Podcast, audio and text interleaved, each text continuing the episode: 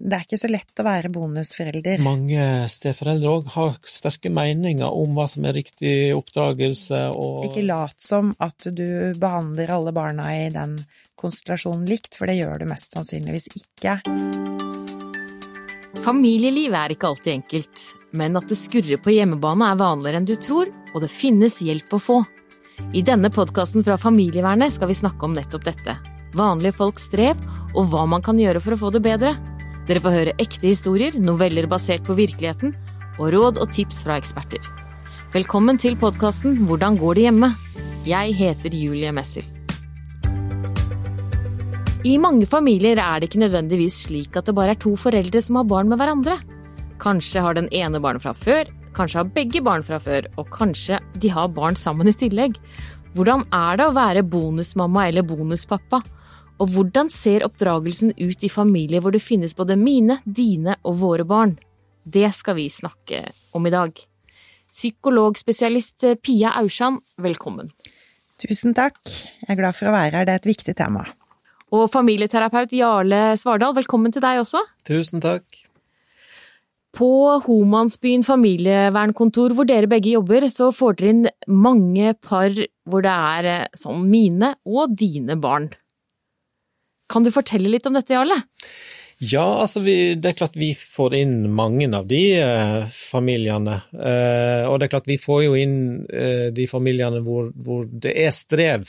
For det er jo mange som klarer seg veldig godt.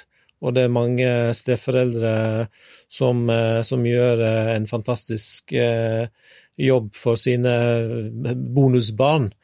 Så, men det er klart vi møter variasjoner, vi møter kompleksiteten, og når, når det blir strevsomt både å være barn, men òg det å være en steforelder og den litt sånn, litt sånn krevende rollen. Eh, å skulle liksom gå inn og, og være en voksen person og samtidig ikke en foreldre.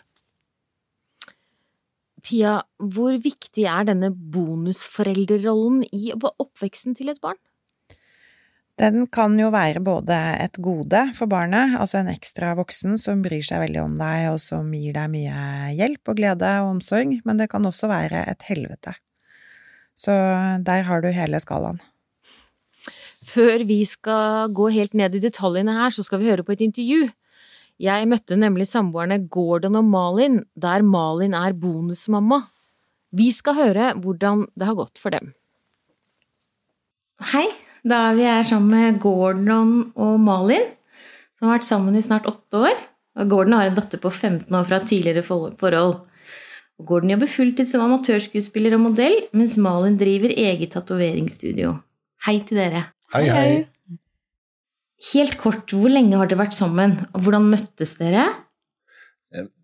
Vi har vel vært sammen Vi møttes den 27. juli, om det er herrens år 2014, i Norges sydligste by, Mandal. Hvilket betyr da at vi har vært sammen i syv og et halvt år. Der møttes vi vel tilfeldig, hvor undertegnede hadde vært på en båttur, skulle avslutte dagen med et glass øl på en restaurant i Mandal. Da kom det jo ei vakker snelle hen til varen og spurte om jeg ville sette meg ned med henne. Og det gjorde jeg jo. Hun reiste tilbake til Oslo dagen etterpå, og jeg reiste tilbake dagen etter der til Oslo, som da var Malins bursdag, som jeg ble invitert til. Og det vil nå vi si at resten er historie. Ja. Gordon, du har en datter på 15 år fra tidligere forhold. Hvor bor hun? Jeg har en datter. Hun heter Alicia, og hun bor på Kongsberg. Hun, har hun bodd der hele tiden, eller har hun bodd der i Oslo? Eh, hun ble født på Kongsberg, men hun har bodd sine første halvannet leveår i Oslo. Så da flytta vi til, til, Kongsberg, da. Og hvor ofte, hvor ofte er dere sammen med? Eh, hun er sånn stort sett annenhver helg. Eh, under covid eh, så ble det litt forandring på den med hjemmeskole. Så da kunne hun være her en uke i strekk, hun kunne være tre uker på rad osv. Så videre. så, men, men sånn røftlig annenhver helg. Uh, Malin, fortell hvordan det har vært for deg. For du ble jo sammen med en fyr som hadde en jente på syv år? Ja. I, i starten så var det Da var det jo egentlig tøft. Uh, men så har vi jo lært hverandre å kjenne og kommer veldig godt overens nå. Um, men det tok litt tid før vi skal vi si, fikk eh, orden på alle sakene. Å bli kjent med en sjuåring er jo, det er jo et eh, stort barn. Selv om det er et lite barn, så Ja. er det jo et Hun har jo begynt å utvikle meninger og, og alt det, men nå, nå er det veldig greit. Nå er hun på en måte en voksen person, da, eller ikke voksen, men vi kan snakke sammen som voksne. Ja, for nå er du, du er jo liksom stemor. Det er jo et litt belasta uttrykk. Men det er jo det vi bruker. Hvordan, hvordan er det? Jeg, klarer ikke å se på meg sjøl som stemor, egentlig. men eh, Nei, som hun har sagt sjøl, at eh, du, du er den kule stemora. Så da er det greit. Hvordan, hvordan har det vært for deg å være en del av oppdragelsen av et barn som kom inn i livet ditt da hun var sju år? Jeg har vel egentlig følt at selve oppdragelsen, den biten der, den klarer de veldig fint sjøl. Så jeg har egentlig ikke trengt å gjøre så veldig mye der. Jeg føler at de har full kontroll på det. Så heller bare si fra hvis det er noe her hjemme. Om det er noe søppel som skal tas, eller noe sånt. Og hvordan er, har det vært for deg da, Gordon? Du har liksom to, eh, en mor og en mm. samboer inn i livet til deg og Alicia. Hvordan har det funka? Em, det, det, det har funka veldig bra, eh, det, det, må jeg si. Og så må jeg si at eh, Malin er nok litt beskjeden her. eh, for, for, for det er helt riktig, Alisa sier liksom hun er den kuleste stemammaen hun kan ha. Og hun har veldig respekt for Malin. Malin har veldig respekt for Alicia. Og jeg tror nok når det kommer litt til den der med oppdrag, sånn, sånn, så er nok jeg litt mer den der Kanskje blir sånn man blir litt sånn bonuspappa når man har de annenhver helg osv. Og, så videre, og rett og slett skjemmer de litt bort. Eh, Da kan nok Malin være litt sånn taktisk smart og si ting til meg eh, som jeg på en måte kan tenke aha, ja, kanskje det, det er lurt. altså. Men, eh, men, men det funker veldig bra. Eh, og helt tidlig i starten, eh, når Alicia var ja, syv år, eh, og hun skulle tilbake fra Oslo til Kongsberg, så spurte hun gjerne sånn, for da fulgte vi jo på toget, da bort til Kongsberg og da sånn herre Pappa, tror du det er greit hvis jeg kan spørre Malin om, om hun kan følge med henne? Altså. Så, så det begynte allerede der da, at det, det var en, en god match. Men jeg syns det er så fint det du sier om eh, respekt, da, at det har vært liksom eh, g- eh, grunnleggende, og at det er det kanskje det som gjør at det går eh, At det funker så bra. Mm, mm, Ja. Jeg vil si meg enig i det. ja. Ja. Kan ikke du utdype enda litt mer av Gordon? Hva er det Malin gjør som, som, liksom, som gjør at dette, at dette går bra? Mm. Nei, altså, det, det bunner vel av grunnen i at uh, hun, hun snakker uh, til, til min datter Alisa på en måte med, igjen med respekt, men ikke noe ovenfra og ned. Um, hun forstår liksom, hun forsto Alisa når hun var syv år, når hun var ti, når hun var tolv, uh, og nå er hun 15. Eh, så, så jeg vil jo si det at, eh, at Alicia ser på henne som på en måte en, en, en venninne, da. Eh, I tillegg liksom til at hun på en måte igjen den respekten som på en måte stemamma eller bonusmamma, da. Um, så det, så, så, og, og Malin er et flott menneske. ikke sant? Hun er jo uh, en premiestemor, vil, jeg- vil jeg si. Så selv om hun er litt sjenert og ikke sier det sjøl, så, så er hun det. Takk for det. Men dette, men dette høres jo ut som en dans på roser, men alle som har barn, veit jo at det er jo ikke bare Det er jo eh, uenigheter og uh, hverdager og uh, ting som, ikke, som ingen av oss gjør som man skal, nødvendigvis. Mm. Hvordan har dere løst det? Mm. Nå skulle jeg til å si, nå forstår jeg ikke spørsmålet, men jo, selvfølgelig det.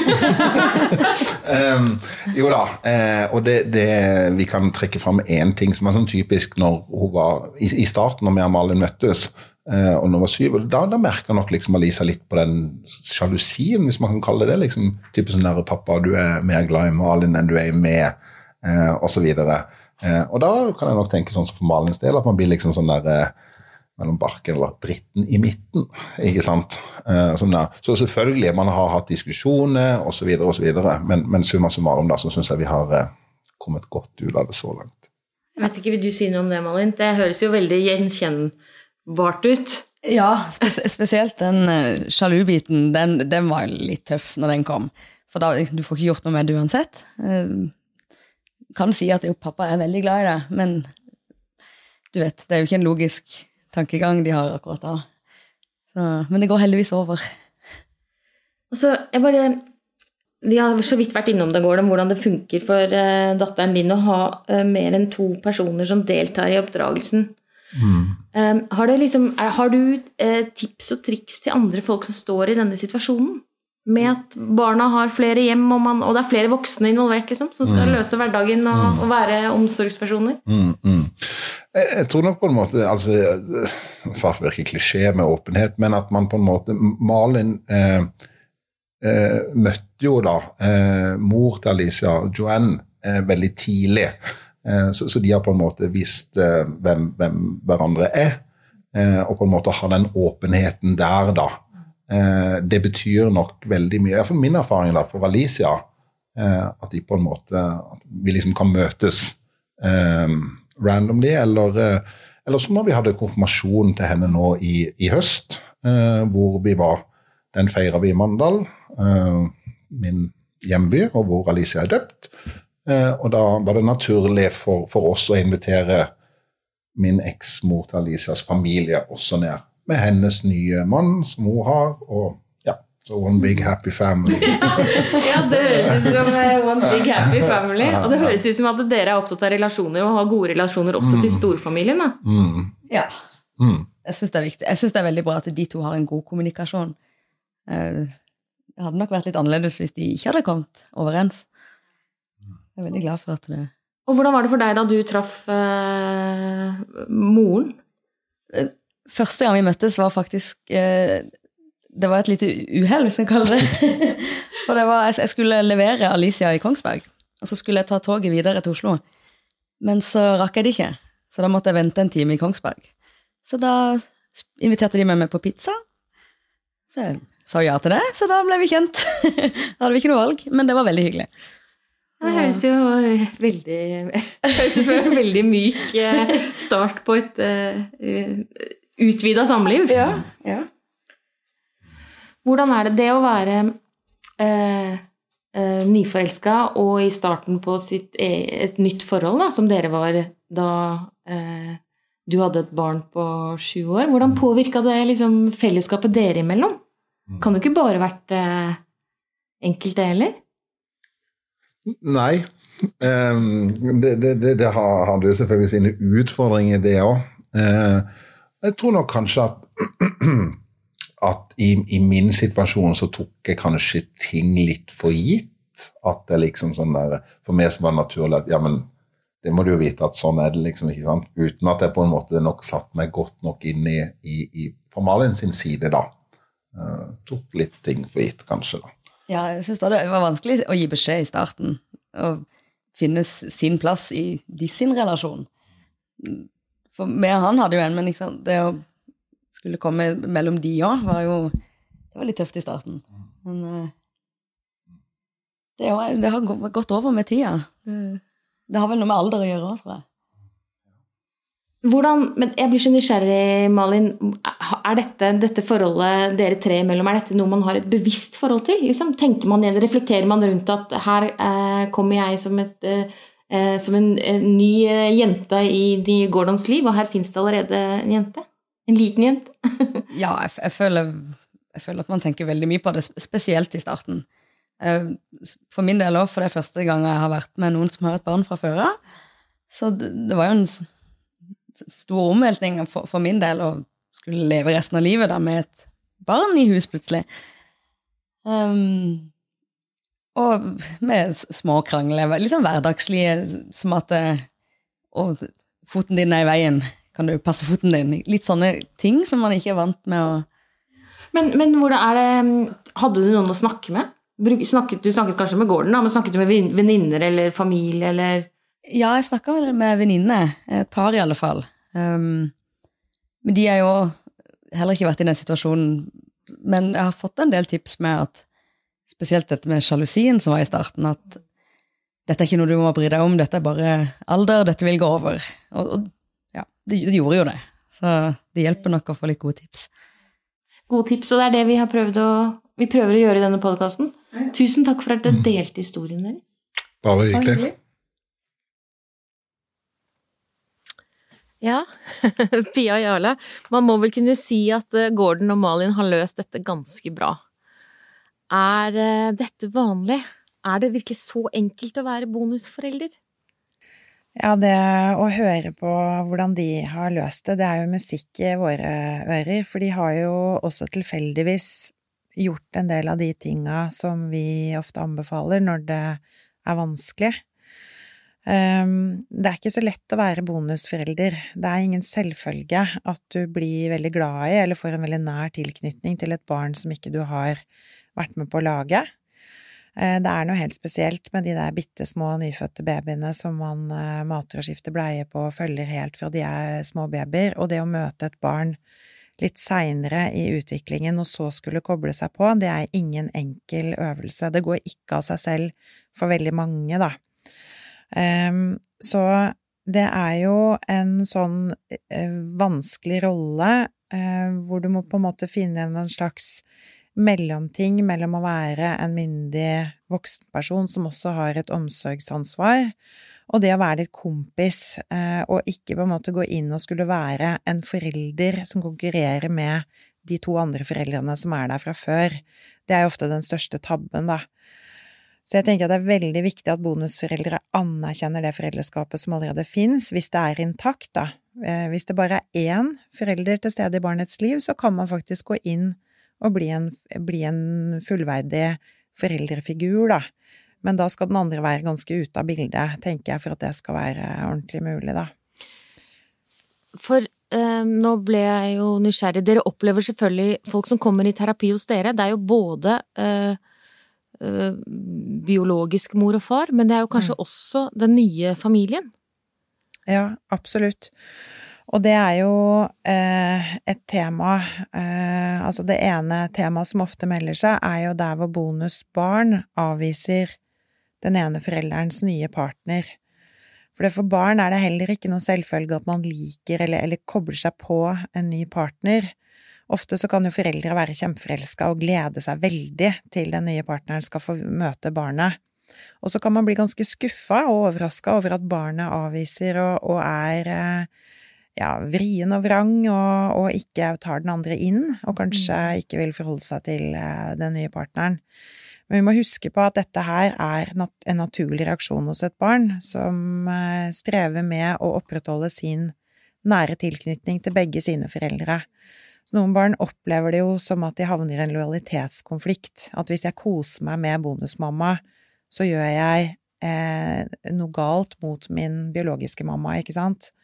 Sånn at en del Og da handler det ikke om personen, da handler det ikke om at eh, det mennesket den bonusforelderen er, er feil, eller gjør noe feil, men det handler om barnets egen tilknytningskonflikt, da. Mm.